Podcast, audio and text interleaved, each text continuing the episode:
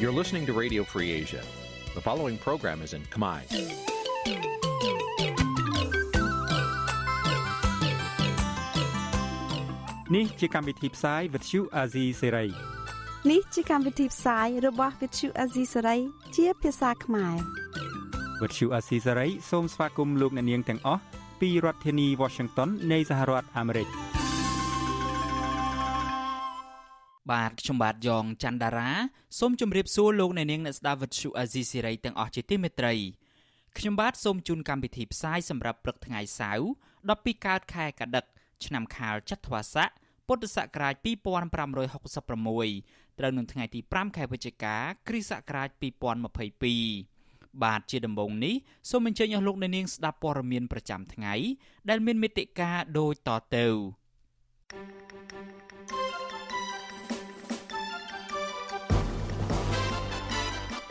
អ្នកច្បាប់ថាប៉ូលីសអន្តរជាតិនឹងមិនចាប់លោកសំរងស៊ីតាមសំណើរដ្ឋាភិបាលកម្ពុជាទេមន្ត្រីសមាគមអាត6រំពឹងថាតុលាការកំពូលនឹងផ្ដល់យុត្តិធម៌ដល់ពួកគេអ្នកខ្លំមើលថាកម្ពុជាគួរស្ដារប្រជាធិបតេយ្យប្រសើរជាងទទួលយកគំនិតដឹកនាំប្រទេសតាមបែបផ្ដាច់ការ អាញាធរថៃបន្តឃុំខ្លួនជនភៀសខ្លួនខ្មែរក្រោម10នាក់រួមនឹងព័ត៌មានសំខាន់សំខាន់មួយចំនួនទៀត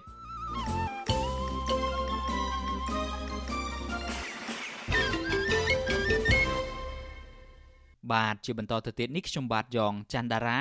សូមជូនព័ត៌មានទាំងនេះពិស្ដាអ្នកជំនាញផ្នែកច្បាប់ជឿជាក់ថាប៉ូលីសព្រហ្មទណ្ឌអន្តរជាតិឬប៉ូលីសអង្គតាប៉ូលនឹងមិនខាត់ខ្លួនលោកសំរងស៊ី ប្រធានស្ដីទីគណៈបកសង្គ្រោះជាតិតាមការស្នើសុំរបស់រដ្ឋាភិបាលលោកហ៊ុនសែនឡើយពីព្រោះថាករណីលោកសំរងស៊ីនេះគឺជារឿងនយោបាយរីឯលោកសំរងស៊ីវិញគូសបញ្ជាក់ថាសំណើរបស់រដ្ឋាភិបាលកម្ពុជានេះគឺគ្រាន់តែជាការចង់បង្វែរការចាប់អារម្មណ៍ពីមហាជនតែប៉ុណ្ណោះលោកសំរងស៊ីអះអាងថាសំណុំរឿងដែលលោកប្តឹងលោកហ៊ុនសែននិងបកពួក តាក់ទងទៅនឹងការគប់គ្រាប់បែកសម្លាប់មនុស្សរាប់សិបនាក់កាលពីឆ្នាំ1997នោះតុលាការបារាំងនឹងបើកការជំនុំជម្រះនៅឆ្នាំ2023ខាងមុខនេះបាទលោកអ្នកនាងនឹងបានស្ដាប់សេចក្តីរាយការណ៍នេះពឹស្ដានៅពេលបន្តិចទៀតនេះ។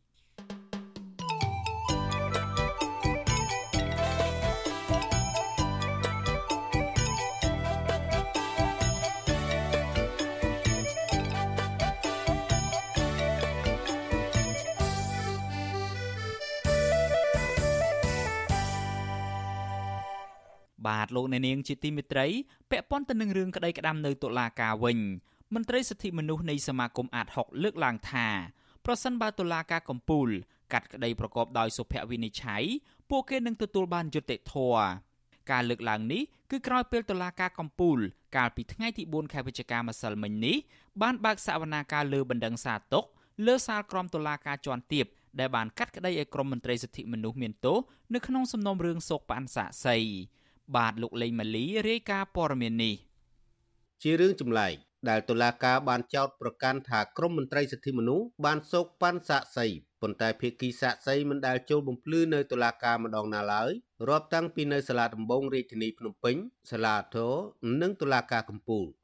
មន្ត្រីសង្គមស៊ីវិលដែលឃ្លាំមើលសវនាការរិះគន់ថា សំណុំរឿងនេះជាចេតនានយោបាយនិងជាការយាយីលើអង្គការសង្គមស៊ីវិល។ ប្រធានសមាគមការពារសិទ្ធិមនុស្សអាតហុកលោកនីសុខាឲ្យអ្នកសារព័ត៌មានដឹងក្រោយចប់សវនាការថាការចោទប្រកាន់រូបលោកនិងមន្ត្រីសិទ្ធិមនុស្សផ្សេងទៀតថាសោកប៉ាន់សាក់សីនោះជាការបំភ្លៃខុសពីការពិតលោកលើកឡើងទៀតថាសំណុំរឿងនេះគ្មានធាតុផ្សំគ្រប់គ្រាន់ទេព្រោះតុលាការបានចោទប្រកាន់ថាពួកលោកសោកប៉ាន់សាក់សីគឺនាងខុមចន្ទរាទីហៅស្រីមុំប៉ុន្តែលិខិតកោះហៅរបស់ក្រសួងមហាផ្ទៃមិនបានបញ្ជាក់ថាស្រីមុំជាសាក្សីទេ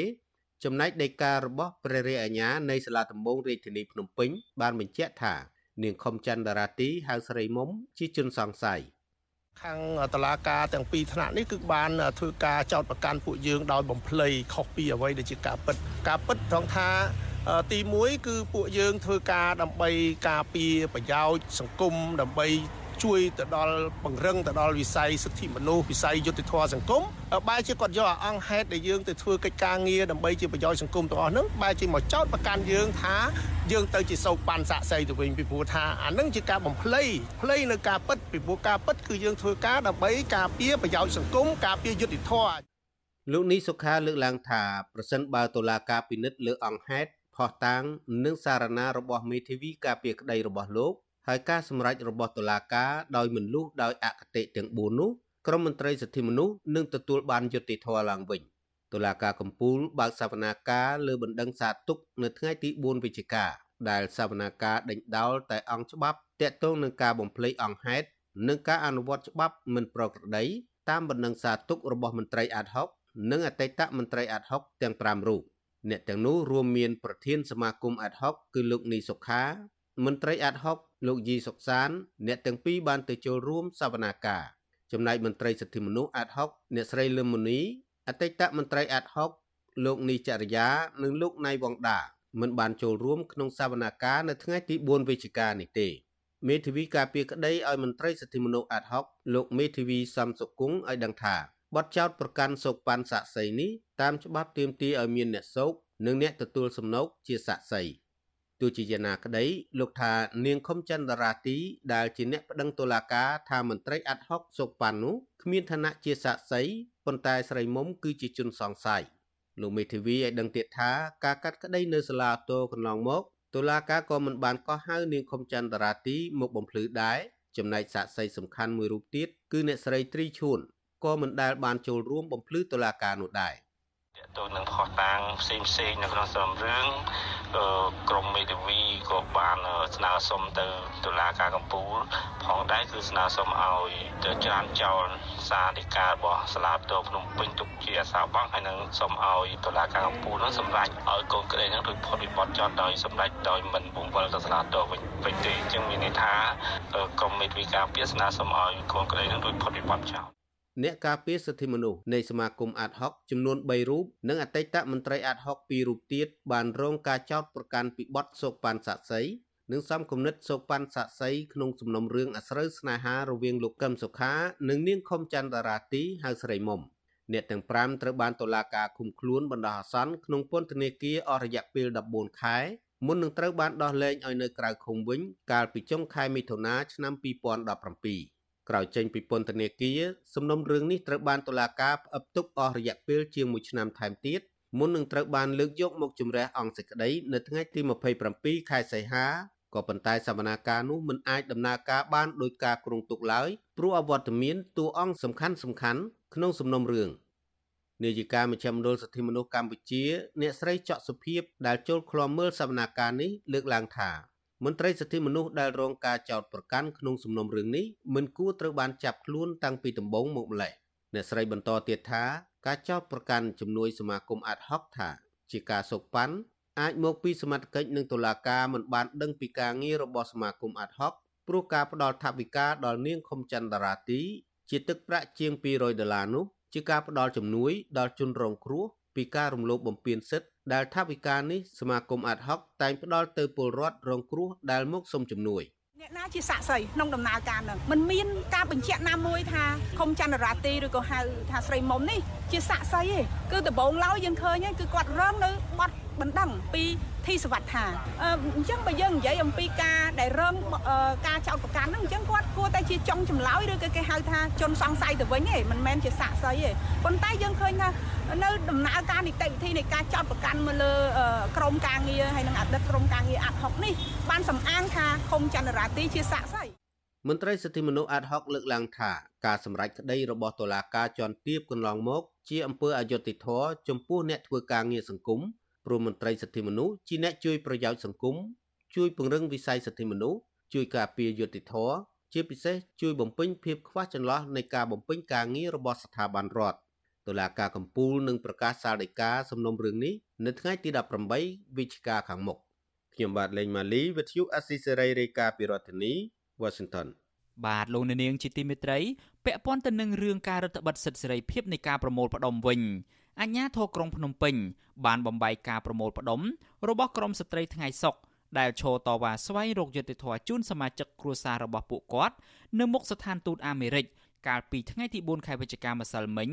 មុនពេលប្រធានាធិបតីសហរដ្ឋអាមេរិកលោកโจ Biden នឹងមកកម្ពុជាចូលរួមកិច្ចប្រជុំកំពូលអាមេរិកអាស៊ាន និងកិច្ចប្រជុំពាក់ព័ន្ធនៅសប្តាហ៍ក្រោយពលរដ្ឋទាំងនោះចាត់ទុកចំណាត់ការរបស់អាជ្ញាធរនេះថាជាការបំបិទសិទ្ធិសេរីភាព និងបិទបាំងទង្វើអាក្រក់របស់រដ្ឋាភិបាល បាទលោកយុនសាមៀនរាយការណ៍ព័ត៌មាននេះក្រមសន្តិសុខនិងអាជ្ញាធរក្រុងភ្នំពេញដែលមានចំនួនលើសលប់បន្តតាមយាយីនិងរារាំងប្រពន្ធនិងកូនកូនរបស់សកម្មជនគណបកប្រឆាំងប្រមាណជិត20នាក់ដែលតវ៉ាដោយសន្តិវិធីនៅមុខស្ថានទូតអាមេរិកប្រចាំទីក្រុងភ្នំពេញនៅថ្ងៃទី4ខែវិច្ឆិកា អញ្ញាធរដែលជាបរោះបានឡោមព័ទ្ធរុញច្រាននិងចាប់ទាញស្ត្រីថ្ងៃសុកមិនឲ្យលើកបដានិងស្រែកតវ៉ានោះទេប៉ុន្តែมันមានអំពើហិង្សា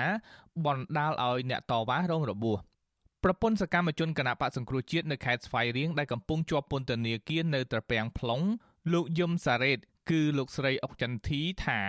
លោកស្រីសោកស្ដាយដែលអាជ្ញាធរមិនមានក្រមសីលធម៌និងបំពានច្បាប់ លោកស្រីបញ្ជាក់ថាទោះបីត្រូវប្រឈមនឹងការតាមយាយីនិងអំពើហិង្សាពីសំណាក់អាជ្ញាធរនិងក្រមសន្តិសុខយ៉ាងណាក្តីក៏ពួកលោកស្រីមិនរាថយនោះទេក្នុងការធ្វើសកម្មភាពជួយរកយុត្តិធម៌ដល់ក្រុមគ្រួសារកំពុងជាប់ឃុំនៅតាមបណ្ដាស្ថានទូតនានា ពួកយើងស្រែកទៀមទាស្រែកតវ៉ាលើកកដាអីហ្នឹងគឺពួកគាត់តែងតែធ្វើគ្រប់សកម្មភាពដើម្បីបង្ក្រាបនៅលើពួកខ្ញុំតែម្ដងប្រទេសកម្ពុជាយើងមិនមែនជាប្រទេសដែលមានលទ្ធិប្រជាធិបតេយ្យដោយការអះអាងរបស់អ្នកកណ្ដាលអំណាចទេបើសិនជាប្រទេសកម្ពុជាមានលទ្ធិប្រជាធិបតេយ្យពិតប្រាកដមែនណាមិនមែនអាជ្ញាធរហើយកងសន្តិសុខគាត់មកប្រើហិង្សាលើពួកខ្ញុំ ស្រដៀងគ្នានេះដែរប្រពន្ធមន្ត្រីគណៈបកសង្គ្រោះជាតិនៅខេត្តត្បូងឃ្មុំម្នាក់ទៀតលោកគង់សំអាន គឺលោកស្រីអៀបសួររៀបរាប់ថាប្តីលោកស្រីនិងសកម្មជនផ្សេងទៀតជាមនុស្សស្អាតស្អំស្មោះត្រង់និងធ្វើការបម្រើប្រយោជន៍ជូនពលរដ្ឋដោយពុំមានទោសកំហុសដោយការចោទប្រកាន់ឡើយលោកស្រីថាការធ្វើដំណើរមកពីតាមបណ្ដាខេត្តមកប្រមូលផ្ដុំគ្នានៅមុខស្ថានទូតសហរដ្ឋអាមេរិកនៅថ្ងៃនេះក្នុងគោលបំណងស្នើសុំឲ្យស្ថានទូតជួយឲ្យពួកលោកស្រី មានឱកាសជួបប្រធានាធិបតីលោកโจ Biden នៅសប្តាហ៍ក្រោយដើម្បីឲ្យជួយអន្តរាគមន៍ទៅរដ្ឋាភិបាលលោកហ៊ុនសែនឲ្យទម្លាក់ចោលការចោទប្រកាន់ហើយដោះលែងគ្រួសារពួកគាត់យើងត្រូវតែឲ្យគេជួយព្រោះគេ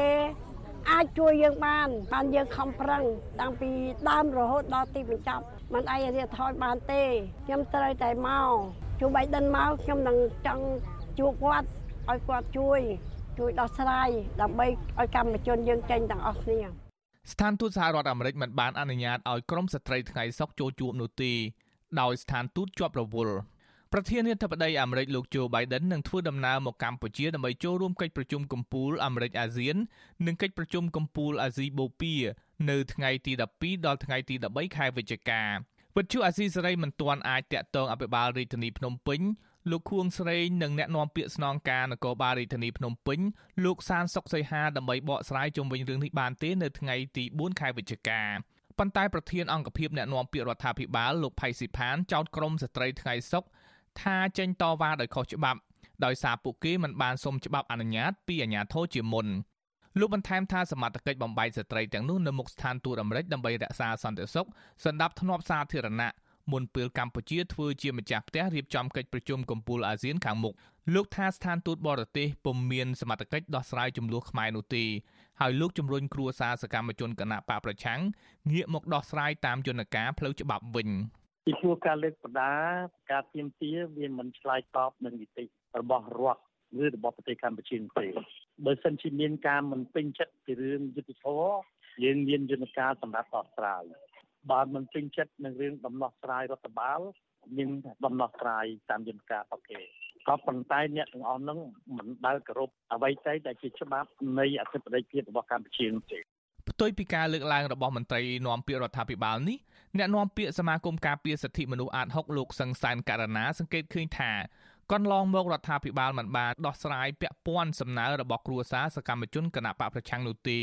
ផ្ទុយទៅវិញ ពួកគេតែងតែរងការរឹតបន្តឹងនិងចាប់ខ្លួនលោកយល់ឃើញថាបញ្ហានេះនាំឲ្យពួកគេលែងមានជំនឿលើរដ្ឋាភិបាល ដោយជ្រើសរើសយកការដាក់ញត្តិស្នើសុំតាមស្ថានទូតបរទេសឲ្យជួយអន្តរាគមន៍ទៅរដ្ឋាភិបាលវិញ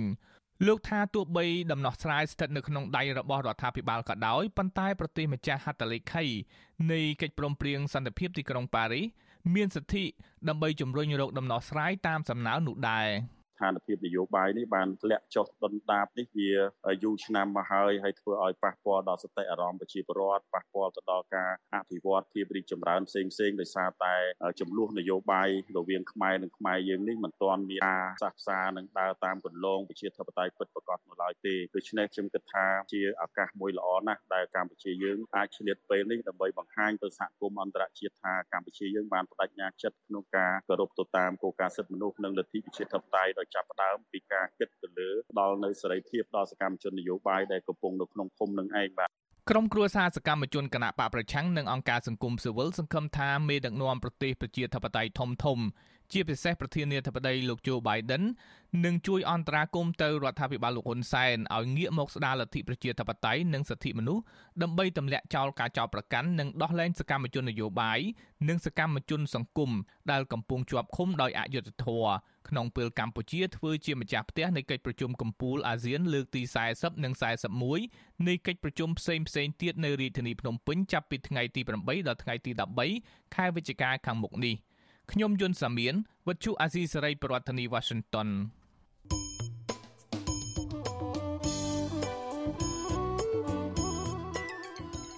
លោកអ្នកនាងជាទីមេត្រីដំណើរគ្នានឹងស្ដាប់ការផ្សាយវិទ្យុអាស៊ីសេរីនៅតាមបណ្ដាញសង្គម Facebook និង YouTube លោកអ្នកនាងក៏អាចស្ដាប់កម្មវិធីផ្សាយរបស់យើង តាមរយៈរលក ធាតុអាកាសខ្លីឬ Shortwave តាមកម្រិតនិងកម្ពស់ដូចតទៅនេះពេលព្រឹកចាប់ពីម៉ោង5កន្លះដល់ម៉ោង6កន្លះ តាមរយៈរលកធាតុអាកាសខ្លី9390 kHz ស្មើនឹងកម្ពស់ 32m និង11850 kHz ស្មើនឹងកម្ពស់ 25m ពេលយប់ចាប់ពីម៉ោង7កន្លះដល់ម៉ោង8កន្លះតាមរយៈរលកធាតុអាកាសខ្លី9390 kHz ស្មើនឹងកម្ពស់ 32m 15155 kHz ស្មើនឹងកម្ពស់ 20m និង11885 kHz ស្មើនឹងកម្ពស់ 20m បាទសូមអរគុណ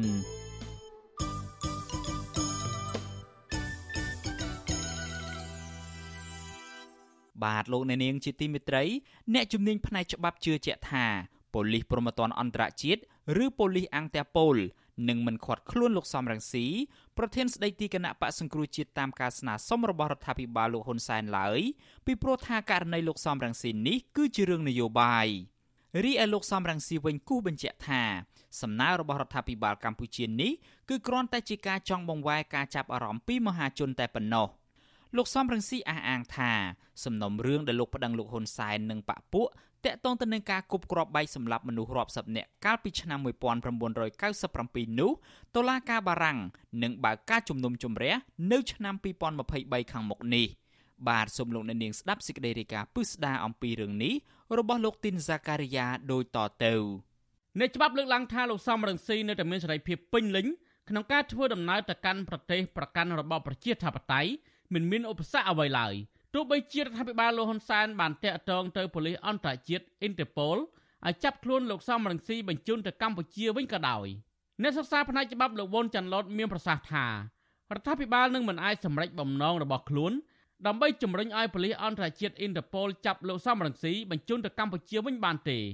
លោកបន្ថែមថាជាគោលការណ៍របស់ស្ថាប័នប៉ូលីសអន្តរជាតិមួយនេះមិនបានកំណត់អំពីបទល្មើសនយោបាយហើយត្រូវចាប់បញ្ជូនទៅកាន់ប្រទេសជាសមាជិកដែលស្នើសុំនោះទេទោះបីជាមានការធ្វើបច្ចាបានមានច្បាប់ក៏ដោយក៏មិនមែនចេះតែធ្វើបានដែរហើយដូចករណីកម្ពុជាបើសិនជា រដ្ឋាភិបាលស្នើទៅធ្វើបច្ចាបានជាមួយនឹងបារាំងដើម្បីឲ្យចាប់បញ្ជូននៅអ្នកនយោបាយណាមួយខ្ញុំគិតថាវាជាការពិបាកដោយករណីដែលខ្ញុំលើកឡើងអញ្ចឹងទី1បើសិនជារឿងនោះជារឿងនយោបាយដោយត្រឹមតែអ្នកនយោបាយគាត់ប្រើប្រាស់នៅវោហាសាស្ត្រគាត់ក្នុងរូបភាពនយោបាយឬក៏ជាកម្មសកម្មភាពនយោបាយគឺមិនអាចទេទី2បើសិនជាតឡាការនៅប្រទេសសម័យហ្នឹងគាត់បានផ្ដល់ឱកាសពេញលេញទៅឲ្យ កូនក្តីទៅឲ្យអ្នកដែលគាត់ចាប់ប្រកាន់ហ្នឹងគឺបានចូលខ្លួននៅក្នុងសាវនាការប៉ុន្តែគេហៅថាអ្នកដែលត្រូវបានចោទនោះគឺគាត់ គេចវេះពីការមិនចូលខ្លួនអីទាំងអស់ហ្នឹងអាហ្នឹងទៅគេអាចពិចារណាប៉ុន្តែដូចករណីដំសំស៊ីយើងឃើញថាតឡាការបានកោះហៅហើយក្នុងនោះអ្នកដែលត្រូវបានចោទគឺមិនមានឱកាសនៅក្នុងការចូលខ្លួនដើម្បីឆ្លើយនៅក្នុងតឡាការអីទាំងអស់ហ្នឹងអញ្ចឹងលក្ខខណ្ឌហ្នឹងខ្ញុំមើលឃើញវាវាដូចជាមិនអាចនឹងធ្វើឲ្យ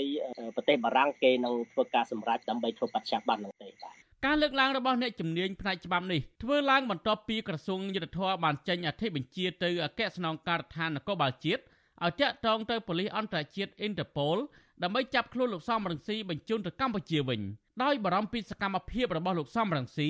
តាក់ទងនឹងរឿងប្រមាថព្រះមហាក្សត្រអ្នកនាំពាក្យអគ្គស្នងការនគរបាលជាតិលោកឆាយកំខឿនប្រាប់ប្រសាទក្នុងស្រុកកាលពីថ្ងៃទី3វិច្ឆិកាថាខាងនគរបាល Interpol កម្ពុជា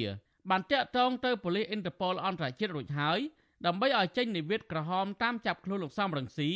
បញ្ជូនទៅកម្ពុជាវិញប៉ុន្តែលោកមិនបានបញ្ជាក់លម្អិតលើសពីនេះទេ មន្ត្រីព័ត៌មាននៃការិយាល័យប៉ូលីសអន្តរជាតិ Interpol បានប្រាប់វិទ្យុអាស៊ីសេរីតាមសារអេឡិចត្រូនិកកាលពីថ្ងៃទី4វិច្ឆិកាថា Interpol មិនធ្វើអធិប្បាយលើករណីជាក់លាក់ឬបុគ្គលណាមួយនោះឡើយលើកឡើងតែក្នុងកលតិស័កពិសេសនិងដោយមានការយល់ព្រមពីប្រទេសជាសមាជិកដែលពាក់ព័ន្ធប្រសិនបើឬនៅពេលដែលប៉ូលីស Interpol នៅក្នុងប្រទេសជាសមាជិកចំនួន195របស់ Interpol ចែករំលែកព័ត៌មានជាមួយអគ្គលេខាធិការដ្ឋាននៅទីក្រុងលីយ៉ុងប្រទេសបារាំង ទាក់ទងនឹងការស៊ើបអង្កេតបុគ្គលនោះព័ត៌មាននេះនៅតែស្ថិតក្រោមកម្មសិទ្ធិរបស់ប្រទេសជាសមាជិកនោះរីឯលោកសំរងស៊ីវិញមិនចាប់អារម្មណ៍នឹងរឿងនេះទេលោកសំរងស៊ីអះអាងថាជារឿងអស់សំណើចលោកបន្ថែមថាអ្វីដែលសំខាន់នោះករណីនេះគឺលោកហ៊ុនសែនគ្រាន់តែចង់លេងល្បែងនយោបាយឆ្ពិនភ្នែកដើម្បីចង់បិទបាំងរឿងធំដែលលោកហ៊ុនសែននិងបកពួកកំពុងតែប្រឈមតែប៉ុណ្ណោះលោកសំរងស៊ីបន្ថែមថារឿងធំពីរដែលសាធារណជនត្រូវតែចាប់អារម្មណ៍នោះគឺទី1រឿងផែនការរបស់លោកហ៊ុនសែនចង់ផ្ទេរអំណាចឲ្យកូនតពូជនិងរឿងទី2គឺតុលាការបារាំងនឹងបើកសវនកម្មជំនុំជម្រះក្តីលោកហ៊ុនសែននិងអង្គរៈពីររូបទៀតលោកហ៊ីមុនហៀងនិងលោកហ៊ុយពិសិដ្ឋនៅឆ្នាំ2023ខាងមុខនេះក្នុងសំណុំរឿងគប់ក្របបែកលើក្រុមបាតកោកាលពីឆ្នាំ1597ធ្វើឲ្យមនុស្សរាប់សិបនាក់ស្លាប់តឡាការបារាំងគេអត់លេងសើចទេគេស៊ើបអង្កេតជាង20ឆ្នាំ បានគេសន្និដ្ឋានថាអង្គរៈហ៊ុនសែនអ្នកចូលរួមអញ្ចឹងអង្គរៈហ៊ុនសែនអ្នកណាធ្វើមេអង្គរៈហ៊ុនសែនអាមេនឹងទទួលខុសត្រូវធំជាងគេ គឺហ៊ីងមុនហៀងនិងហ៊ុយពិសិដ្ឋព្រោះតែបើគេសួរមកកលៈទៀតថាហ៊ីងមុនហៀងនិងហ៊ុយពិសិដ្ឋហ៊ានធ្វើអីដោយខ្លួនឯងដោយមិនមានការណែនាំមិនមានបញ្ជាពីហ៊ុនសែនទេថាมันអាចទៅរួចទេហ៊ីងមុនហៀងហ៊ុយពិសិដ្ឋ ធ្វើអីទាំងអស់ហើយហ៊ីងមុនហៀងគាត់ទទួលស្គាល់ហើយគាត់ថាគាត់ធ្វើតាមបញ្ជាសម្រាប់ទាំងអស់អញ្ចឹងគេសន្និដ្ឋានចុងក្រោយគឺហ៊ុនសែនហ៊ុនសែនជាអ្នកបញ្ជាហ៊ុនសែនជាអ្នកទទួលខុសត្រូវធំជាងគេហ៊ុនសែននឹងមានទោសធ្ងន់ជាងគេអានឹងដែលធ្វើឲ្យហ៊ុនសែនបារម្ភហ្នឹងដែលធ្វើឲ្យហ៊ុនសែនគាត់បង្វែរដានតឡាការបារាំងកាលពីថ្ងៃទី30ធ្នូឆ្នាំ2021បានចេញដីកាបង្គាប់ឲ្យអនុវត្តដីកាបង្គាប់ឲ្យចាប់ខ្លួនលោកហ៊ុយពិសិដ្ឋនិងលោកហ៊ីងមុនហៀង ចេញកាលពីថ្ងៃទី19មីនាឆ្នាំ2020ដោយសារតែទូនាទីរបស់ពួកលោក នៅពីក្រោយផែនការនឹងការរៀបចំអំពើហិង្សាវាយប្រហារដែលក្របបែកកាលពីឆ្នាំ1597តឡាការបារាំងបញ្ជាក់ដែរថាខ្លួនក៏បានចេញដីកាកោះហៅលោកនាយរដ្ឋមន្ត្រីហ៊ុនសែនឲ្យមកឆ្លើយបំភ្លឺជំវិញនឹងទូនាទីរបស់លោកក្នុងអំពើវាយប្រហារដោយក្របបែកនេះតែរដ្ឋាភិបាលបារាំងបានចំទាស់មិនបញ្ជូនបន្តមកឲ្យកម្ពុជានោះទេ ក្រុមហេតុផលថាលោកហ៊ុនសែនជាថ្នាក់ដឹកនាំរដ្ឋមួយដែលមានអភ័យឯកសិទ្ធិជានាយករដ្ឋមន្ត្រីនៅឡើយទាក់ទងនឹងរឿងនេះលោកសំរងស៊ីបន្ថែមថាលោកហ៊ុនសែនទៅវិញទេដែលភ័យខ្លាចប៉ូលីសអ៊ីនតឺប៉ូលចាប់ខ្លួននោះក្រោយពេលលោកអស់អំណាចលោកអះអាងថាលោកមិនខ្លាចអ្វីឡើយចំពោះរឿងនេះទោះបីជារបបឯកបកបានតាក់ទងទៅប៉ូលីសអ៊ីនតឺប៉ូលក៏ដោយពីព្រោះលោកមិនមែនជាអ្នកប្រព្រឹត្តអំពើពុករលួយ ឬជាអ្នកប្រព្រឹត្តបទអក្រិតអ្វីនោះឡើយ សំរងស៊ីអត់ដែលមិនកុំនិយាយថាសម្លាប់មនុស្សប៉ះសក់មកសរសៃរបស់មនុស្សណាទៅបៀតបៀនគេមិនដែលតតែសោះសំរងស៊ីមិនដែលទៅជួញដូរគ្រឿងញៀនមិនដែលជួញដូរមនុស្ស មិនដែលប្រព្រឹត្តអំពើពុករលួយលួចជាតិមួយកាក់ក៏អត់ដែលដែរអញ្ចឹងវាគ្មានរឿងគ្មានហេតុផលអីនឹងតាមដានសំរងស៊ីតែបើរឿងយើងបែរមកមើលហ៊ុនសែននៃបកពួកគាត់ណាអាសាច់រឿងដែលខ្ញុំលើកឡើងអាមាញ់មិញហ្នឹងគឺពាក់ព័ន្ធគឺហ៊ុនសែនគាត់ពាក់ព័ន្ធទាំងអស់ជាមួយហ៊ីមុនហៀងនិងហ៊ុយពិសិដ្ឋកាលពីឆ្នាំ2018អាញាធរថៃធ្លាប់បានចាប់ខ្លួនលោកសំសេរី ប្រធានចលនារណសេរីរំដោះជាតិខ្មែរនៅក្នុងពេលលោកស្នាក់នៅប្រទេសថៃតាមការស្នើសុំរបស់រដ្ឋាភិបាលកម្ពុជាដែលចោទលោកសំសេរីថាបានប្រព្រឹត្តអំពើភេរវកម្មប៉ុន្តែនៅទីបំផុតរដ្ឋាភិបាលថៃមិនបានបញ្ជូនលោកសំសេរីទៅកម្ពុជាវិញឡើយអាញាធរថៃបានបញ្ជូនលោកសំសេរីទៅកាន់ប្រទេសដាណាម៉ាកវិញដោយសារតែលោកមានសញ្ជាតិដាណាម៉ាករីឯករណីអតីតអគ្គស្នងការរងនគរបាលជាតិលោកងួនសឿវិញក៏ដូចគ្នាដែរ នៅមុនពេលលោកស្លាប់អាញាធរថៃធ្លាប់បានចាប់ខ្លួនលោកងួនសឿដោយសារតែលោកហ៊ុនសែនបានប្តឹងទៅប៉ូលីសអ៊ីនតឺប៉ូលប៉ុន្តែក្រោយពីអាញាធរថៃខាត់ខ្លួន គេបានបញ្ជូនលោកត្រឡប់ទៅប្រទេសបារាំងវិញដោយសារតែលោកមានសញ្ជាតិបារាំងប៉ូលីសអន្តរជាតិឬអ៊ីនតឺប៉ូលគឺជាអង្គការប៉ូលីសអ ுக ្រិតកម្មអន្តរជាតិដែលជាអង្គការអន្តររដ្ឋាភិបាលមានរដ្ឋជាសមាជិកចំនួន195ប្រទេសការងាររបស់ Interpol ឬប៉ូលីសអន្តរជាតិ គឺជួយប៉ូលីសនៅក្នុងប្រទេសជាសមាជិកទាំងអស់ឲ្យធ្វើការរួមគ្នាដើម្បីធ្វើឲ្យពិភពលោកមានសុវត្ថិភាពហើយដើម្បីឲ្យពិភពលោកមានសុវត្ថិភាពនោះគឺត្រូវចែករំលែកទិន្នន័យស្ដីពីអក្រិតកម្មនិងទិន្នន័យអក្រិតជន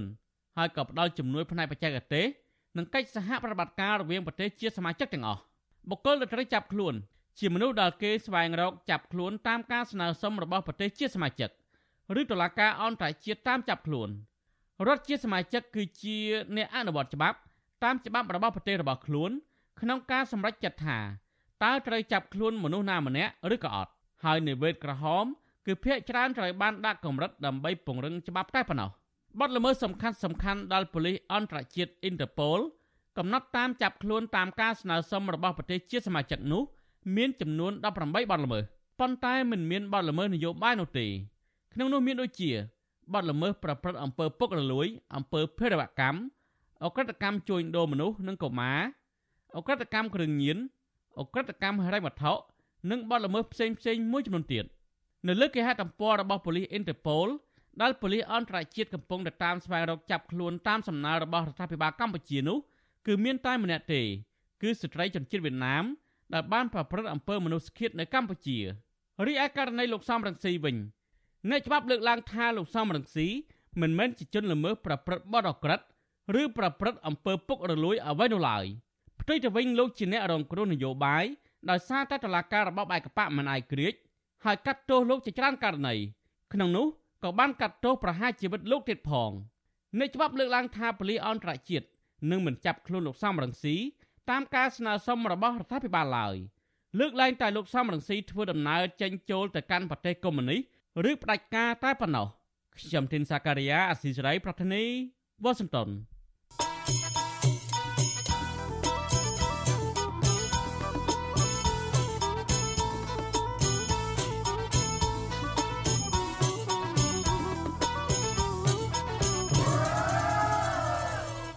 បាទលោកអ្នកនាងជាទីមេត្រីពាក់ព័ន្ធទៅនឹងរឿងបញ្ហានយោបាយនេះដែរ ក្រុមអ្នកតាមដានស្ថានភាពនយោបាយកម្ពុជាជំរុញដល់រដ្ឋាភិបាលគួរតែគិតគូរស្ដារប្រជាធិបតេយ្យនិងពង្រឹងនីតិរដ្ឋឡើងវិញប្រសើរជាងទទួលយកនឹងមនោគមវិជ្ជាពីប្រទេសចិនកុម្មុយនីសដើម្បីដឹកនាំប្រទេសតាមបែបផ្ដាច់ការការលើកឡើងនេះគឺបន្ទាប់ពីឯកអគ្គរដ្ឋទូតចិនប្រចាំកម្ពុជា បានលើកឡើងថាសមិទ្ធផលដ៏មហិមា នៃសមាជគណៈបកកុម្មុយនីសចិនលើកទី20អាចជួយដល់ប្រជាជនកម្ពុជានៅគ្រប់មជ្ឈដ្ឋាន ស្វែងយល់កាន់តែច្បាស់អំពីសារៈសំខាន់នៃសមិទ្ធផលរបស់គណៈបកកុម្មុយនីសចិន បាទនេះជាសេចក្តីរាយការណ៍របស់លោកនៅវណ្ណរិន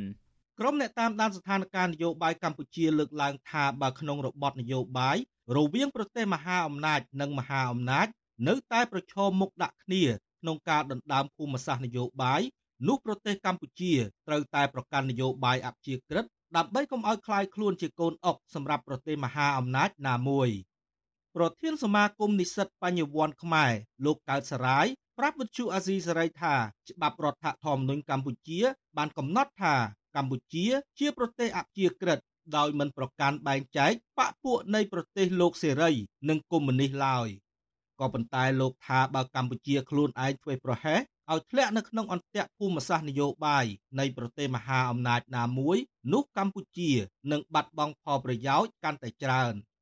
លោកមើលឃើញថារដ្ឋាភិបាលកម្ពុជាបច្ចុប្បន្នហាក់កំពុងលំអៀងទៅប្រទេសចិនកាន់តែខ្លាំងនិងដឹកនាំប្រទេសកាន់តែប្រឆាចពីគន្លងប្រជាធិបតេយ្យដោយសារតែអាញាធររដ្ឋាភិបាល នៅតែបន្តរដ្ឋបិទសិទ្ធិសេរីភាព និងបង្ក្រាបសម្លេងអ្នកមាននិន្នាការផ្ទុយពីរដ្ឋាភិបាលជាដើម ជាពិសេសលោកសង្កេតឃើញថានៅក្នុងកិច្ចសហប្រតិបត្តិការទំនាក់ទំនងរវាងកម្ពុជានិងចិនជិតស្និទ្ធកន្លងមកនេះបានធ្វើឲ្យកម្ពុជាបាត់បង់សន្តិសុខសង្គមមួយផ្នែកបិទជនជាតិចិនមួយចំនួនដែលចូលមកធ្វើជំនួញនៅក្នុងប្រទេសកម្ពុជា គឺជាប្រភេទអាជីវកម្មបែបឧក្រិដ្ឋ សហភាពអឺរ៉ុបឬក៏សហរដ្ឋអាមេរិកហ្នឹងក៏បានកំពុងចោលបង្ហាញកម្ពុជាហ្នឹងគឺស្ថិតនៅក្នុងលេខរៀងដែលអាចដាក់ចូលក្នុងវិជីវភ័យទៅទៀតការដែលយើងធុចខ្លួនហើយយើងនៅតែព្យាយាមរាប់អានជាមួយនឹងចិនដែលផ្លេចគិតអំពីគោលការណ៍ដែលដែលធ្វើឲ្យកម្ពុជារងថ្ងៃហ្នឹងហាក់ដូចជាបាត់បង់អសន្តិសុខមួយផ្នែកអំពីជនជាតិចិនអានេះខ្ញុំក៏និយាយជាជនជាតិចិនទេប៉ុន្តែអាទាំងអស់នេះកើតចេញពីកិច្ចសហប្រតិបត្តិការ ឯកអគ្គរដ្ឋទូតចិនប្រចាំកម្ពុជា លោកវ៉ាងវិនធាន កាលពីថ្ងៃទី31ខែតុលាថាអត្តន័យប្រវត្តិសាស្ត្រដ៏សំខាន់នៃសមាជបកកុម្មុយនីសចិនលើកទី20ជាសមិទ្ធផលផ្លែផ្កាដ៏សំខាន់របស់សមាជគណៈបកកុម្មុយនីសចិន គឺការកំណត់តួនាទីស្នូលរបស់អគ្គលេខាធិការបកគឺលោកស៊ីជីងពីងឲ្យคล้ายជាគំនិតដឹកនាំក្នុងរយៈពេលវែង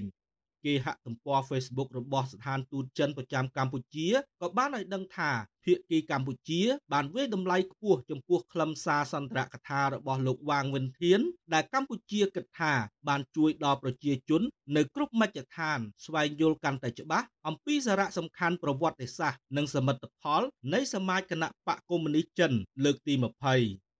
អ្នកវិភាគនយោបាយលោកកឹមសុខលើកឡើងថាប្រជាពលរដ្ឋខ្មែរនឹងសាទរប្រសិនបើប្រទេសចិនកុម្មុយនីសជួយជំរុញឲ្យកម្ពុជាដើរតាមស្មារតីនៃកិច្ចព្រមព្រៀងទីក្រុងប៉ារីដែលប្រទេសចិនក៏ជាប្រទេសហត្ថលេខីមួយដែរក៏ប៉ុន្តែលោកមើលឃើញថារបបនយោបាយបច្ចុប្បន្នចិនហាក់កំពុងប្រើប្រាស់កម្ពុជាផ្ដាច់មុខតាមរយៈរដ្ឋាភិបាលលោកហ៊ុនសែនដើម្បីបំពេញមហិច្ឆតាសាងសង់មូលដ្ឋានកងទ័ពនៅលើទឹកដីខ្មែរ ទប់ទល់នឹងមហាអំណាចលោកសេរីតែប៉ុណ្ណោះ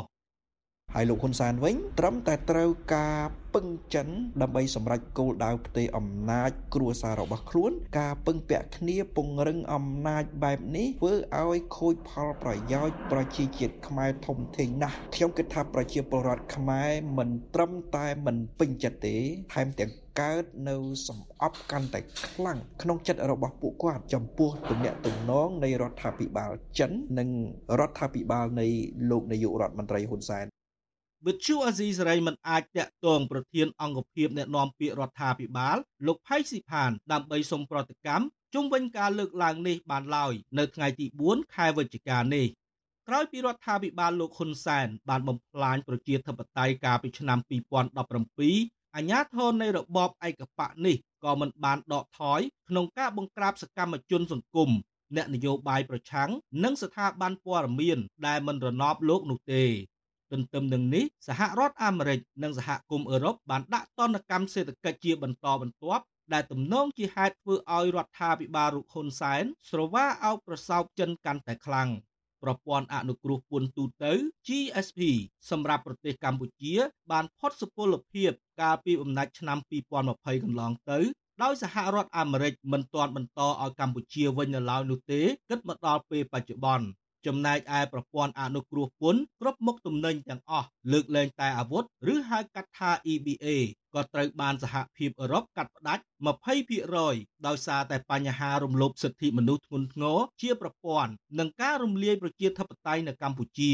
ក្រៅពីនេះរដ្ឋាភិបាលលោកហ៊ុនសែនក៏រងការចោទប្រកាន់ថាបានចុះកិច្ចព្រមព្រៀងដោយសម្ងាត់ ដល់ឲ្យចិនសាងសង់មូលដ្ឋានកងទ័ពនៅក្នុងកំពង់ផែសមុទ្ររៀមក្នុងខេត្តប្រសេអនុដែលករណីនេះកម្ពុជាបានប្រឈមនឹងការគំរាមកំហែងបាត់បង់អធិបតេយ្យភាព និងបង្កឲ្យមានបញ្ហាអសន្តិសុខក្នុងតំបន់ខ្ញុំបាទនៅវណ្ណរិន with Chu Azizi Saray ពីរដ្ឋធានី Washington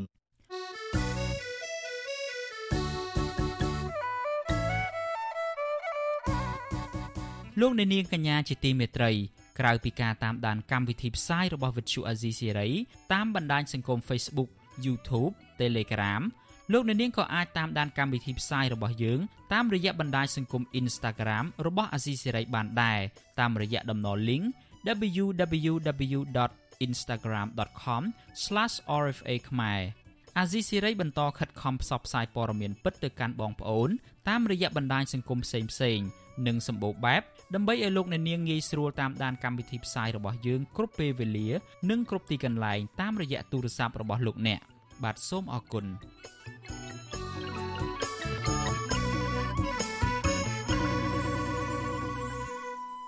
បាទលោកអ្នកនាងជាទីមេត្រី នៅឯខេត្តកំពង់ចាមឯណោះវិញអាជ្ញាធរខេត្តនេះរងការរិះគន់ថាបានលាក់បាំងព័ត៌មាន និងធ្វើរបាយការណ៍ភូតភរករណីប្រជាពលរដ្ឋ5នាក់ស្លាប់ និង69នាក់ទៀតត្រូវបញ្ជូនទៅសង្គ្រោះបន្ទាន់សង្ស័យពលថ្នាំបាញ់ចេកកាលពីពេលថ្មីៗនេះមន្ត្រីអង្គការសង្គមស៊ីវិលទាមទារឲ្យរដ្ឋាភិបាល បង្កើតគណៈកម្មការថ្នាក់ជាតិស្រាវជ្រាវឲ្យច្បាស់លាស់ករណីនេះដោយជំរុញឲ្យក្រុមហ៊ុនឡុងស្រេងត្រូវទទួលខុសត្រូវលើអាយុជីវិតប្រជាពលរដ្ឋបាទសូមលោកអ្នកនាងស្ដាប់សេចក្តីរាយការណ៍មួយទៀតរបស់លោកនៅវណ្ណរិនអំពីរឿងនេះដូចតទៅ មន្ត្រីសង្គមស៊ីវិលនិងអាជ្ញាធរមូលដ្ឋានមកពីគណៈបកភ្លើងទៀនប្រកាសមិនទទួលយករបាយការណ៍របស់អាជ្ញាធរខេត្តកំពង់ចាមដែលអះអាងថាកម្មកររបស់ក្រុមហ៊ុនឡុងស្រេងស្លាប់3នាក់និង69នាក់ទៀតត្រូវបញ្ជូនទៅសង្គ្រោះបន្ទាន់ដោយសារតែពុលស្រា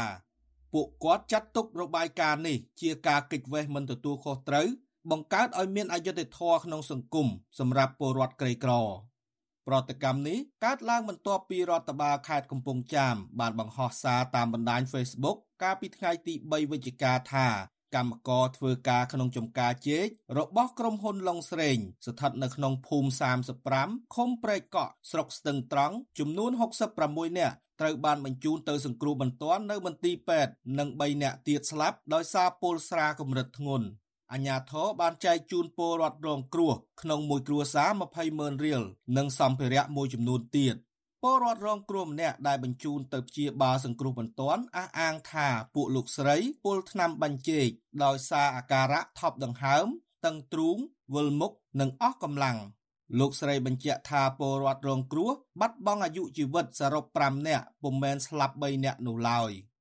ទីពេទ្យច្រើនណាពូសត្វតែក្មេងៗទេពលថ្នាំហ្នឹងហ៎ពួក5តប6តបនឹងពលថ្នាំទាំងអស់ទាំងចាស់ទាំងក្មេងនៅហ្នឹងគ្រាន់បាត់ទេពូឲ្យពូខ្ញុំសុំលោកថាបាលជួយខ្ញុំផងនេះអាណិតកូននេះ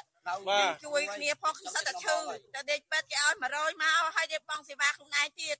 ជំទប់ទី2ឃុំព្រែកកក់មកពីគណៈបកភ្លើងទៀន លោកសំសរិនប្រាប់វិទ្យុអាស៊ីសេរីកាលពីថ្ងៃទី4វិច្ឆិកាថាកម្មករដែលបានធ្វើការនៅក្នុងក្រុមហ៊ុនឡុងស្រេងរាប់រយនាក់ក្នុងនោះមានកុមារនិងស្ត្រីជាច្រើនក៏រងគ្រោះពលថ្នាំបាញ់ចេកមិនមែនពលស្រានោះទេលោកបញ្ជាក់ថាកម្មករទាំងនោះភ ieck ច្រើនមកពីបណ្ដាខេត្តផ្សេងផ្សេងមកធ្វើការដោយប្រើកម្លាំងពលកម្មបដូរយកប្រាក់កម្រៃដើម្បីចិញ្ចឹមក្រពះ កែប្រែព័ត៌មានហ្នឹងវាគឺខុសប្លែកពីការកែប្រែវិជាជាក់លែងទៅកន្លែងអាហ្នឹងចូលដល់ពេលហ្នឹងហ្នឹងវាពាក់ព័ន្ធនឹងដង្ហើមដែលវាបាញ់ទៅវាអាចជះអត់ស្នាមខ្លាំងពេកទៅតាមពេទ្យគេពិនិត្យឃើញអញ្ចឹងដំបូងវិទ្យុអាស៊ីសេរីមិនអាចតាក់ទងសុំការបំភ្លឺរឿងនេះពីស្នងការខេត្តកំពង់ចាមទទួលបន្ទុកដឹកនាំក្រុមការងារអធិការឋាននគរបាលស្រុកស្ទឹងត្រង់ លោកហេងវុធី និងអធិការស្រុកស្ទឹងត្រង់អែមវឌ្ឍនា បាននៅឡើយទេនៅថ្ងៃទី4ខែវិច្ឆិកានេះចំណែកប្រធានការិយាល័យសុខាភិបាលស្រុកស្ទឹងត្រង់លោកយឹមណាវីក៏មិនអាចសុំការបំភ្លឺបានដែរនៅថ្ងៃដដែលនេះ ដោយទូរស័ព្ទហៅចូលតែគ្មានអ្នកលើកក៏ប៉ុន្តែលោកយឹមណាវីបានប្រាប់កាសែតក្នុងស្រុកថា ក្រោយពីមន្ត្រីសុខាភិបាលបានចុះទៅតាមដាន ដោយយកសំណាក់ស្រាទៅពិនិត្យនៅក្នុងមន្ទីរពិសោធន៍នៅក្នុងរាជធានីភ្នំពេញបង្ហាញថាក្នុងស្រាមានជាតិមេតាណុលកម្រិតខ្ពស់លោកបញ្ជាក់ថាកម្មកររងគ្រោះដោយសារពុលស្រាថ្នាំ ហើយពួកគាត់មានអាការៈតឹងដើមទ្រូងពិបាកដកដង្ហើម និងឈឺក្បាលវិទ្យុអាស៊ីសេរីបានព្យាយាមតាក់ទងតំណាងក្រុមហ៊ុនឡុងស្រេងដើម្បីសុំអត្ថាធិប្បាយជុំវិញរឿងនេះ តាមរយៈលេខទូរស័ព្ទក្នុងគេហទំព័ររបស់ក្រុមហ៊ុនក៏ប៉ុន្តែទូរស័ព្ទហៅចូលច្រើនដង តែគ្មានអ្នកទទួលអាជ្ញាធរខេត្តកំពង់ចាមឲ្យដឹងថាក្រុមហ៊ុនឡុងស្រេង បានឧបត្ថម្ភថវិកាជូនកម្មកររងគ្រោះទាំង66នាក់ក្នុងម្នាក់ម្នាក់4សែនរៀលស្មើនឹង100ដុល្លារចំពោះកម្មករដែលស្លាប់ចំនួន3នាក់ក្នុងមួយគ្រួសារមួយគ្រួសារទទួលបានថវិកាចំនួន4លានរៀលស្មើនឹង1000ដុល្លារអាមេរិក ឆ្លើយតបនឹងរឿងនេះពលរដ្ឋរងគ្រោះឲ្យដឹងថាថវិកាដែលក្រុមហ៊ុនបានផ្ដល់ឲ្យកម្មកររងគ្រោះម្នាក់ម្នាក់100ដុល្លារនោះគឺសម្រាប់បង់ថ្លៃព្យាបាលតែប៉ុណ្ណោះស្របពេលដែលពួកគាត់ជួបគ្រោះថ្នាក់នេះត្រូវចំណាយប្រាក់បង់ថ្លៃពេទ្យដោយខ្លួនឯងជុំវិញរឿងនេះមន្ត្រីនាំពាក្យសមាគមការពារសិទ្ធិមនុស្សអាត6លោកសឹងសានករណាយល់ថា រដ្ឋាភិបាលគួរតែចោះត្រួតពិនិត្យឲ្យបានច្បាស់លាស់ជៀសវាងបណ្តែតបណ្តោយឲ្យអាជ្ញាធរថ្នាក់ក្រោមធ្វើរបាយការណ៍ភូតភរលោកបញ្ជាក់ថាបាតុភិបនេះនឹងបន្តកើតមានដដែលដដែលប៉ះពាល់ដល់សុខុមាលភាពពលរដ្ឋប្រសិនបើរដ្ឋាភិបាលមិនស្វែងរកការពិតដើម្បីដោះស្រាយបញ្ហានេះឲ្យបានច្បាស់លាស់ កុមារអាយុជាង10ឆ្នាំតែពួកគេបានផឹកស្រាសឬក៏យ៉ាងម៉េចឯការសន្និដ្ឋានបែបនេះយើងអង្គការសង្គមស៊ីវិលយើងពិបាកក្នុងការទទួលយកបានណាព្រោះវាមានមន្ទិលសង្ស័យទៅលើករណីទាំងអស់នេះថាការដែលវាតម្លៃខុសនឹងប៉ះដល់ប្រជាពលរដ្ឋបន្តបន្ទាប់ទៀតគេហទំព័ររបស់ក្រុមហ៊ុនឡុងស្រេងបង្ហាញថាក្រុមហ៊ុនឯកជនមួយនេះបានបោះវិនិយោគទុនលើវិស័យឧស្សាហកម្មកៅស៊ូលើផ្ទៃដីកៅស៊ូសរុបជាង7000ហិកតា ស្ថិតនៅក្នុងភូមិ35ឃុំព្រែកកក់ស្រុកស្ទឹងត្រង់ខេត្តកំពង់ចាមឆ្ងាយពីរាជធានីភ្នំពេញប្រមាណ161គីឡូម៉ែត្រពលរដ្ឋថាបច្ចុប្បន្ននេះក្រុមហ៊ុនមានចំការចេកនិងចំការដំណាំផ្សេងៗទៀតរាប់ពាន់ហិកតា ហើយមកទល់ពេលនេះកម្មកររាប់រយនាក់បានឈប់ធ្វើការជាបណ្ដាបណ្ដាព្រោះបារម្ភពីសុខុមាលភាពរបស់ខ្លួនខ្ញុំបាទនៅវណ្ណរិន with Chu Azizi Saray ពីរដ្ឋធានី Washington លោកអ្នកនាងជាទីមេត្រី with Chu Azizi Saray សូមជូនដំណឹងថាយើងគ្មានអ្នកយកព័ត៌មានប្រចាំនៅប្រទេសកម្ពុជាទេប្រសិនបើមានជនណាម្នាក់អះអាងថាជាអ្នកយកព័ត៌មានឲ្យវិទ្យុអាស៊ីសេរីនៅកម្ពុជានោះគឺជាការក្លែងបន្លំយកឈ្មោះអាស៊ីសេរីទៅប្រើនៅក្នុងគោលបំណងទុច្ចរិតណាមួយរបស់បុគ្គលនោះតែប៉ុណ្ណោះបាទសូមអរគុណ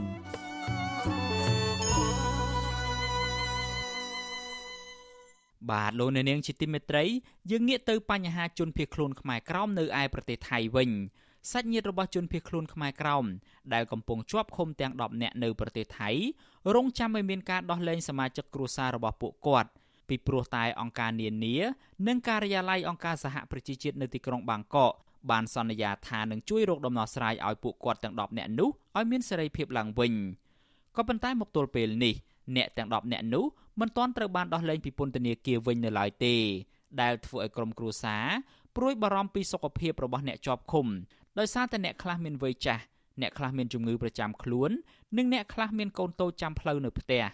បាទពីរដ្ឋធានី Washington អ្នកស្រីស្ងួនអមរារាយការណ៍ព័ត៌មាននេះក្រុមគ្រួសាររបស់ជនភៀសខ្លួនខ្មែរក្រោមទាំង10នាក់ដែលប៉ូលីសថៃចាប់ឃុំខ្លួន កំពុងទន្ទឹងចាំផ្លូវឪពុកម្ដាយនិងកូនរបស់ពួកគាត់ត្រឡប់មកផ្ទះវិញព្រោះពួកគាត់បានសុំអន្តរាគមន៍ពីអង្គការសហប្រជាជាតិនៅប្រទេសថៃជួយអ្នកជាប់ឃុំទាំង10នាក់ឲ្យបាននៅក្រៅឃុំវិញពលរដ្ឋខ្មែរក្រោមភៀសខ្លួនដែលមានប្អូនស្រីជាប់ឃុំជាមួយមនុស្សទាំង10នាក់លោកស្រីលីធីយីប្រាប់វិទ្យុអាស៊ីសេរីនៅថ្ងៃទី4ខែវិច្ឆិកាថាលោកស្រីនិងម្ដាយលោកស្រីរងចាំមើលផ្លូវប្អូនស្រីត្រឡប់មកផ្ទះវិញព្រោះកូនរបស់នាងយំរកម្ដាយរាល់ថ្ងៃហើយប្អូនស្រីលោកស្រីមានជំងឺប្រចាំកាយផងលោកស្រីចង់ឲ្យអាជ្ញាធរថៃដោះលែងប្អូនស្រីលោកស្រីព្រោះនាងមានកូនតូចត្រូវមើលថែហើយនាងក៏មិនបានប្រព្រឹត្តបទល្មើសធ្ងន់ធ្ងរដែរលោកស្រីសង្ឃឹមលើអង្គការសហប្រជាជាតិនៅប្រទេសថៃនិងអង្គការពាក់ព័ន្ធផ្សេងផ្សេងជួយធានាប្អូនស្រីលោកស្រីនិងខ្មែរក្រោមផ្សេងទៀតចេញពីពន្ធនាគារឲ្យបានឆាប់ព្រោះខ្មែរក្រោមទាំង10នាក់នោះ ជាប់ឃុំជាង20ថ្ងៃមកហើយ។ចង់សូមឲ្យអង្គការនានាហ្នឹងជួយបងអូនខ្ញុំបានឆាប់ចេញទៅព្រោះអីឥឡូវហ្នឹងវាកំពុងធ្វើទុកម៉ែខ្ញុំវាពីយប់វិញឈឺហើយម៉ែខ្ញុំកាត់កូវីដថងអីហងអញ្ចឹងហើយវានីកាហ្នឹងក៏វានីកាឥឡូវហ្នឹងវាបាក់នឹងខ្លួនដែរហ្នឹងណាឥឡូវណាឈឺឈឺដែរណាហើយវាមិនតាមខ្ញុំសោះវាតាមតែម៉ែខ្ញុំពីយប់វិញធ្វើទុកម៉ែខ្ញុំនឹងណាណៃ ស្រដៀងគ្នានេះដែរពលរដ្ឋខ្មែរក្រោមភៀសខ្លួនម្នាក់ទៀតដែលមានឪពុកម្ដាយជាប់ឃុំលោកស្រីនាងសុកវងប្រាប់ថាមានអង្គការផ្សេងផ្សេងដែលពាក់ព័ន្ធនឹងអង្គការសហប្រជាជាតិទទួលបន្ទុកជនភៀសខ្លួនធានាជួយឪពុកម្ដាយលោកស្រីឲ្យបានចេញពីមន្ទីរឃុំឃាំងតែមកទល់ពេលនេះពួកគាត់មិនទាន់មានសេរីភាពទេលោកស្រីបន្តថាលោកស្រីអាណិតឪពុកដែលមានជំងឺលើសឈាមហើយមានវ័យចាស់ទៀតមិនដឹងថ្ងៃណាទៅប៉ូលីសថៃដោះលែងឪពុកម្ដាយលោកស្រីទេឲ្យខ្ញុំបែរណាក្នុងគុកហ្នឹងក៏គាត់ឈឺតែឥឡូវនេះអត់ខ្ញុំលើកទៅដល់ដំណឹងមកថាឲ្យខ្ញុំឈឺនៅក្នុងគុកដែរបើសិនជាអឺដូចជាអង្គការមេតាវីឬក៏ UN អត់ជួយគាត់ទេគាត់នៅក្នុងនោះគាត់អាចជួបបញ្ហាដូចថាឈឺធ្ងន់ណាលេខដែលគាត់ឈឺធ្ងន់គាត់អាចនឹងបាត់បង់ជីវិតតែមានណាទូខុសត្រូវជីវិតឲ្យខ្ញុំអត់ខ្ញុំនិយាយត្រង់ចឹងហ្មង ជនភៀសខ្លួនក្បែរក្រោមទាំង10នាក់ដែលប៉ូលីសថៃបានចាប់នៅពេលដែលពួកគាត់កំពុងធ្វើការនៅក្នុងផ្សារបន្លែមួយក្បែរទីក្រុងបាងកកកាលពីថ្ងៃទី14ខែតុលាដោយចោទប្រកាន់ពួកគាត់ពីបទចូលទឹកដីថៃដោយខុសច្បាប់និងធ្វើការដោយគ្មានឯកសារស្របច្បាប់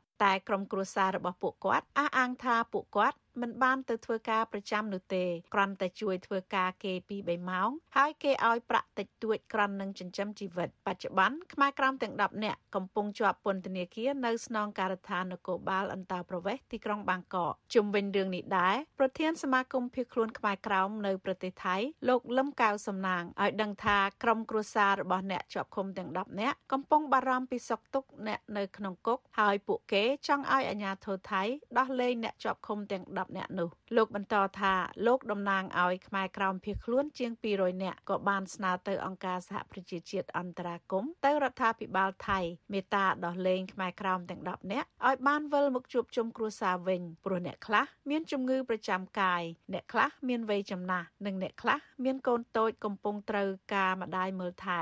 អានឹងយើងមានតែស្នើទៅដល់អង្គការដែលអាចជួយគាត់បានណាធ្វើម៉េចឲ្យជួយគាត់ចេញមកក្រៅឃុំពីព្រោះគាត់នៅក្នុងគុកពិបាកណាពិបាកទាំងអ្នកជាប់ក្នុងគុកផងពិបាករួយបារម្ភទាំងអ្នកនៅក្នុងក្រៅផងមានការរួយបារម្ភមានការខ្វះខាតស្ថានភាពមានការខ្វះខាតណាហើយដែលគាត់ហូបចុកយ៉ាងណាក្នុងគុកហើយគាត់ចាស់ចាស់ទៀតចាប់ពី60ឡើងទៅទៀតចាស់ចាស់3 4 5នាក់ណា10ឆ្នាំឡើងទៅអានឹងវាការពិបាកណានៅសុខភាពរបស់គាត់ហើយនឹងការនៅក្នុងគុកពាក់ថាក្នុងគុកមួយម៉ាត់នឹងវាមិនស្រួលដូចយើងគិតទេគ្រូរបាយការណ៍របស់សមាគមភៀសខ្លួនខ្មែរក្រោមប្រចាំប្រទេសថៃឲ្យដឹងថាមានខ្មែរក្រោមដែលភៀសខ្លួនមកពីដែនដីកម្ពុជាក្រោមកំពុងរស់នៅក្នុងឋានៈជាជនភៀសខ្លួននៅក្នុងប្រទេសថៃមានចំនួនជាង200នាក់ហើយពួកគាត់សុទ្ធតែរត់គេចពីការធ្វើទុកបុកម្នេញរបស់អាជ្ញាធរវៀតណាមហើយអ្នកខ្លះវៀតណាមរឹបអូសដីធ្លីអ្នកខ្លះវៀតណាមរដ្ឋបတ်ការបញ្ចេញមតិអ្នកខ្លះវៀតណាមគៀបសង្កត់ផ្នែកសាសនាវប្បធម៌ជាដើមនាងខ្ញុំស្ងួនអមរា Vithu Azisaray ពីរដ្ឋធានី Washington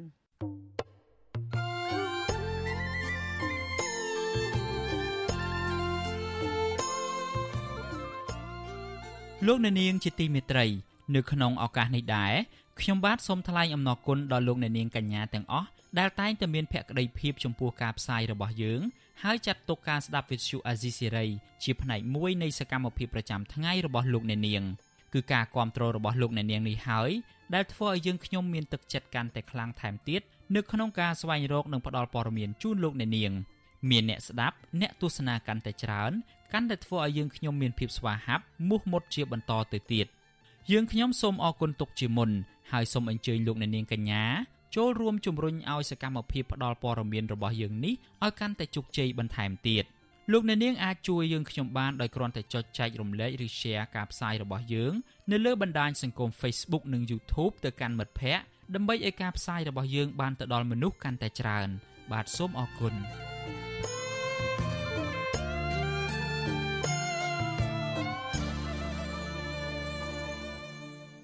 បាទលោកអ្នកនាងជាទីមេត្រីយើងងាកមកបញ្ហាសុខភាពឯនេះវិញ កម្ពុជារកឃើញជំងឺគ្រុនឈាមជិត10000ករណីគិតត្រឹមខែវិច្ឆិកាឆ្នាំ2022នេះករណីនេះកើនឡើងជិត10ដងបើប្រៀបធៀបទៅនឹងរយៈពេលដូចគ្នាកាលពីឆ្នាំ2021ជំងឺគ្រុនឈាមជិត10000ករណីនៅក្នុងឆ្នាំ2022នេះបានសម្លាប់ជីវិតមនុស្សចំនួន16នាក់ដែលសុទ្ធសឹងតែជាកុមារអាយុក្រោម15ឆ្នាំ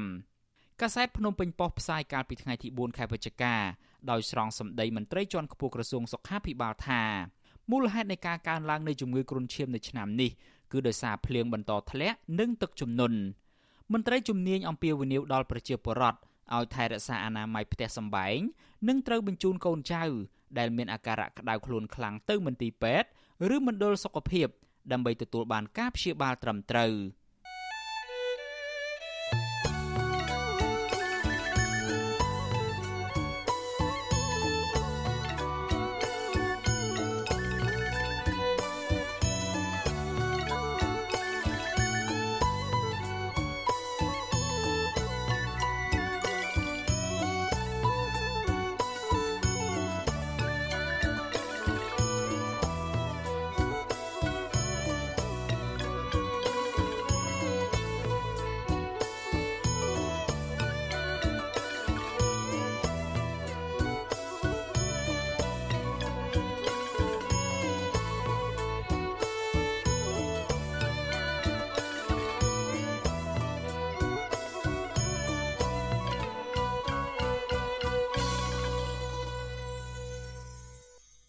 បាទលោកអ្នកនាងជាទីមេត្រី នៅឯខេត្តសៀមរាបឯណោះជាងថតរូបនៅតាមរមណីយដ្ឋាននានានៅក្នុងខេត្តនេះត្អូញត្អែពីបញ្ហាជីវភាព បន្ទាប់ពីមុខរបរមួយនេះហាក់លែងទទួលបានការគាំទ្រពីភ្ញៀវទេសចរពួកគាត់បារម្ភថាអាចនឹងបាត់បង់អាជីពជាអ្នកថតរូបនេះដោយសារតែទេសចរភ ieck ច្រើនជ្រើសរើសយកការថតរូបក្នុងទូរស័ព្ទដៃជាជាងការប្រើប្រាស់សេវាកម្មរបស់ពួកគាត់ បាទសំលោកនៅនាងស្ដាប់សេចក្តីរាយការណ៍មួយទៀតរបស់អ្នកស្រីសុជីវីដូចតទៅអាជីវកម្មថតរូបនៅតាមតំបន់រមណីយដ្ឋាននិងកន្លែងទេសចរនៅក្នុងខេត្តសៀមរាបក្នុងពេលបច្ចុប្បន្ននេះកំពុងប្រឈមនឹងការបាត់បង់បន្តិចម្ដងបន្តិចម្ដងដោយសារបច្ចេកវិទ្យាកាន់តែមានភាពជឿនលឿននិងទីផ្សារប្រកបរបរកាន់តែរួមតូចជាងថតរូបនៅរមណីយដ្ឋានអង្គរវត្តលោករិនសំអាតប្រាប់វិទ្យុអាស៊ីសេរីឲ្យដឹងកាលពីថ្ងៃទី2ខែវិច្ឆិកាថាសប្តាហ៍ថ្ងៃ លោកមិនសូវរកចំណូលបានពីការថតរូបនោះទេព្រោះបណ្ដាលមកពីជាងថតរូបមានការកើនឡើងខណៈភ្ញៀវទេសចរនៅមានចំនួនតិចតួចនៅឡើយលោកឲ្យដឹងថាជារៀងរាល់ថ្ងៃលោកត្រូវដើរឬឈររងចាំនិងនិយាយបញ្ចុះបញ្ចូលទៅភ្ញៀវទេសចរដែលពេលខ្លះទទួលបានការប្រើប្រាស់សេវាកម្មនិងពេលខ្លះទៀតមិនទទួលបាននោះឡើយម្យ៉ាងទៀតលោកឃើញថាបច្ចុប្បន្នប្រជាពលរដ្ឋមានទូរស័ព្ទកាន់ស្ទើរគ្រប់ដៃ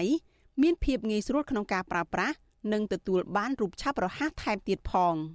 បើតាមចំណុចនេះវិញថាបើសិនបើភ្ញៀវទេសចរគាត់មកលេងអញ្ចឹងគាត់គួរតែថតជាអនុស្សាវរីយ៍របស់គាត់ជាមួយនឹងកាមេរ៉ាទៅពីព្រោះកាមេរ៉ាវាមានទំហំធំហើយវាមានស្អាតទៀតស្រដៀងគ្នានេះដែរលោកចិនវណ្ណៈបានចាប់មុខរបរជាអ្នកថតរូបនៅមុខប្រាសាទអង្គរវត្តតាំងពីឆ្នាំ2018មកលើកឡើងថា បច្ចុប្បន្ននេះទោះបីស្ថានភាពជំងឺ Covid-19 បានធូរស្រាល និងមានភ្ញៀវទេសចរច្រើនមកទស្សនាប្រាសាទអង្គរវត្តកើនឡើងក្តីក៏លោកនៅតែបន្តបាត់បង់ចំណូលលោកបញ្ជាក់ថាការរីកចម្រើននៃបច្ចេកវិទ្យាកាមេរ៉ានៅលើទូរស័ព្ទដៃតាក់ទាញអ្នកចូលចិត្តថតរូបឲ្យងាកមកប្រើម៉ាស៊ីនថតរូបពហុជំនាញនេះវិញលោកបន្តថាជារៀងរាល់ថ្ងៃលោកនិងអ្នកថតរូបដទៃទៀតតែងតែអង្គុយនៅក្រោមដើមឈើរងចាំភ្ញៀវដើម្បីសួរនាំរកអ្នកដែលចង់ថតរូបលោកថាថ្ងៃខ្លះ លោកមិនអាចរកប្រាក់ចំណូលបានសូម្បី1ដុល្លារឡើយទន្ទឹមគ្នានេះលោកក៏មានគម្រោងបោះបង់មុខរបរនេះហើយនឹងទៅធ្វើការស៊ីឈ្នួលគេវិញវាមិនទៀងថ្ងៃណាបានថ្ងៃណាអត់អត់ចឹង10000 20000ថ្ងៃណា4 50000ថ្ងៃណាអត់100ក៏បានជារៀងរាល់ថ្ងៃនៅមុខខ្លោងទ្វារនិងក្នុងបរិវេណប្រាសាទអង្គរវត្តមានជាងថតរូបជាច្រើនអ្នកដើរតាមភ្ញៀវទេសចរនិងបញ្ចុះបញ្ចូលពួកគេឲ្យប្រើប្រាស់សេវាកម្មរបស់ខ្លួន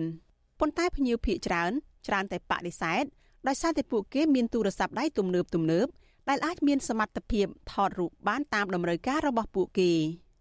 តម្លៃថតរូបនៅតំបន់ប្រាសាទអង្គរវត្តក្នុងមួយប៉ុស្តិ៍មានតម្លៃ2000រៀលចំពោះរូបធម្មតានិង4000រៀលចំពោះរូបដែលមានការកែលម្អបន្ថែមដោយជាងថតត្រូវផ្ញើរូបទៅក្នុងទូរស័ព្ទដៃរបស់ភ្ញៀវតាមប្រព័ន្ធ Telegram ចំពោះភ្ញៀវទេសចរណាដែលចង់ថតរូបនិងផ្តិតយករូបភាពភ្លាមភ្លាមតម្លៃអាចកើនឡើងដល់10000រៀលនៅក្នុងមួយសន្លឹក ភ្ញៀវទេសចរម្នាក់យុវជននងសារ៉ូតឲ្យដឹងថាលោកមិនដែលប្រើប្រាស់សេវាកម្មថតរូបនៅពេលទៅកំសាន្តនៅប្រាសាទអង្គរវត្តនិងកន្លែងផ្សេងផ្សេងទៀតនោះឡើយព្រោះលោកចង់សន្សំសំចៃថវិកាមិនចង់ចំណាយច្រើន នៅក្នុងពេលដើរកំសាន្តខណៈលោកក៏មានទូរស័ព្ទដែលអាចថតរូបបានច្បាស់ផងដែរម្យ៉ាងទៀតលោកបន្តថាការថតរូបដោយទូរស័ព្ទផ្ទាល់ខ្លួន អាចថតបានច្រើនដង នៅគ្រប់ពេលវេលាគ្រប់ទីកន្លែង និងទទួលបានរូបភ្លាមភ្លាម ដើម្បីបង្ហោះនៅលើបណ្ដាញសង្គមដល់ពេលអញ្ចឹងទៅយើងវាសោយថវិកាដល់ពេលអញ្ចឹងយើងទុកថវិកាហ្នឹងចាក់សាំងផងញ៉ាំតោផងអីផងទៅយើងថតកាមេរ៉ាយើងទៅវាអត់អស់លុយអញ្ចឹងណាចាប់តាំងពីកម្ពុជាបើកប្រទេសឡើងវិញក្រោយវិបត្តិជំងឺ Covid-19 កាលពីខែវិច្ឆិកាឆ្នាំ2021វិស័យទេសចរនៅកម្ពុជា នៅមិនទាន់មានភាពល្អប្រសើរឡើងវិញនៅឡើយទេដែលជាហេតុធ្វើឲ្យប៉ះពាល់ដល់អ្នកប្រកបរបរនៅក្នុងវិស័យនេះ ទន្ទឹមនឹងពិភពលោកមានការរីកចម្រើនខាងផ្នែកបច្ចេកវិទ្យានិងប្រព័ន្ធ Digital វាក៏ជាផ្នែកមួយដែលធ្វើឲ្យអ្នកប្រកបអាជីវកម្មថតរូបនៅតាមកន្លែងទេសចររងផលប៉ះពាល់បន្ថែមមួយកម្រិតទៀតទោះជាយ៉ាងណាអ្នកថតរូបនៅតំបន់ទេសចរអង្គរស្នើឲ្យភ្ញៀវទេសចរដែលមកលេងកម្សាន្តងាកមកប្រើប្រាស់សេវាកម្មថតរូបដោយប្រើប្រាស់កាមេរ៉ា Digital អាជីពវិញម្ដង ដើម្បីលើកកម្ពស់ជីវភាព និងផ្ដល់ឱកាសការងារដល់ពលរដ្ឋនៅក្នុងមូលដ្ឋាន ពួកគេថាទោះជាការថតរូបសញ្ញាមិនសូវទំនើបក៏ពិតមែនតែភ្ញៀវគួរចំណាយទៅលើការថតរូបជុំគ្នាទុកជាអនុស្សាវរីយ៍ដោយសារតែរូបថតសញ្ញាថតដោយកាមេរ៉ា Digital មានកម្រិតគុណភាពច្បាស់ជាងទូរស័ព្ទនិងរក្សាទុកបានយូរជាងជុំវិញរឿងនេះប្រធានសមាគមទីភ្នាក់ងារទេសចរកម្ពុជា អ្នកស្រីឆៃស៊ីវលីនលើកឡើងថាការប៉ះពាល់ទៅលើអាជីវកម្មថតរូបនៅក្នុងតំបន់ទេសចរនៅកម្ពុជាបណ្ដាលមកពីបដិវត្តឧស្សាហកម្ម4.0 ដែលផ្ដោតលើការអភិវឌ្ឍបច្ចេកវិទ្យាយ៉ាងណាមិនមែនប៉ះពាល់តែមកលើកម្ពុជានោះឡើយតែរដ្ឋាភិបាលត្រូវតែធ្វើបែបនេះដើម្បីដើរឲ្យទាន់ការវិវត្តរបស់ពិភពលោកអ្នកស្រីបន្ថែមថារដ្ឋាភិបាលនៅមិនទាន់មានវិធានការណាមួយដោះស្រាយបញ្ហានេះនៅឡើយទេតែអ្នកស្រីមើលឃើញថាវិស័យឯកជននៅតាមតំបន់ទេសចរបានបន្ថែមសេវាកម្មថ្មីថ្មីដូចជាជួលសម្លៀកបំពាក់បុរាណដែលនឹងផ្ដល់ឱកាសឲ្យជាងថតរូបបានទទួលចំណូលផងដែរ ទោះបីយ៉ាងណាក៏ដោយនឹងយើងត្រូវតែទទួលស្គាល់ថាយើងមានការវិវត្តចាប់យកបដិវត្តឧស្សាហកម្ម4.0នឹងហើយវាត្រូវប៉ះពាល់ទៅលើចំណែកណាមួយហើយចា៎មុនពេលមានការឆ្លងរាតត្បាតជំងឺ Covid-19 នៅក្នុងអំឡុងពេលនោះពិភពលោករួមទាំងកម្ពុជា បានផ្ដោតទៅលើបដិវត្តឧស្សាហកម្ម4.0ដោយអភិវឌ្ឍទៅលើបច្ចេកវិទ្យា Digital ដើម្បីឲ្យទំនាក់ទំនងរបស់មនុស្សកាន់តែមានភាពងាយស្រួលទំនើបនិងលឿនឆាប់រហ័ស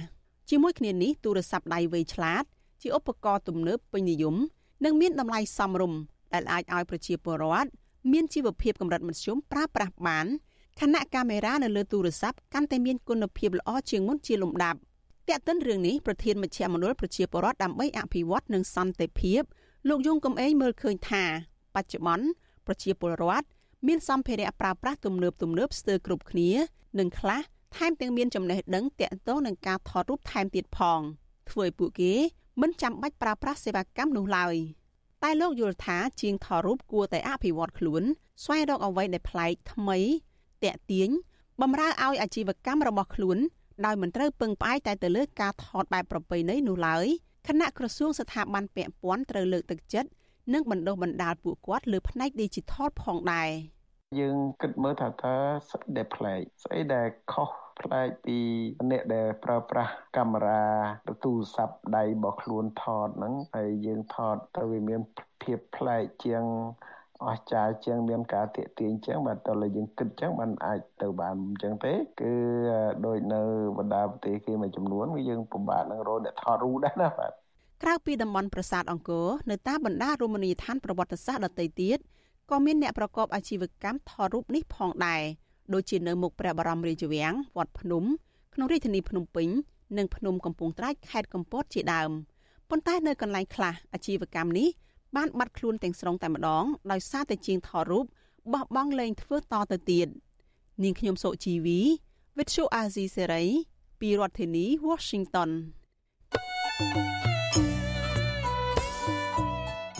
លោកអ្នកនាងជាទីមេត្រី With Show Azizi Serai សូមជូនដំណឹងថា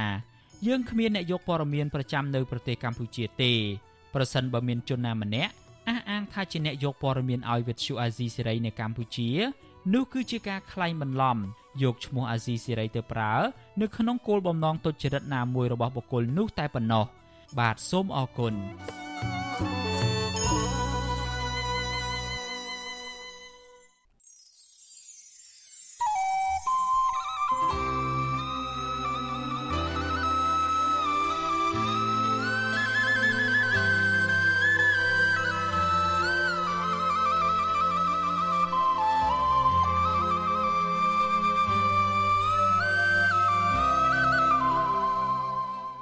លោកអ្នកនាងជាទីមេត្រី ការផ្សាយរយៈពេល1ម៉ោងរបស់វិទ្យុអាស៊ីសេរីនៅព្រឹកនេះចប់ត្រឹមតែប៉ុណ្ណេះ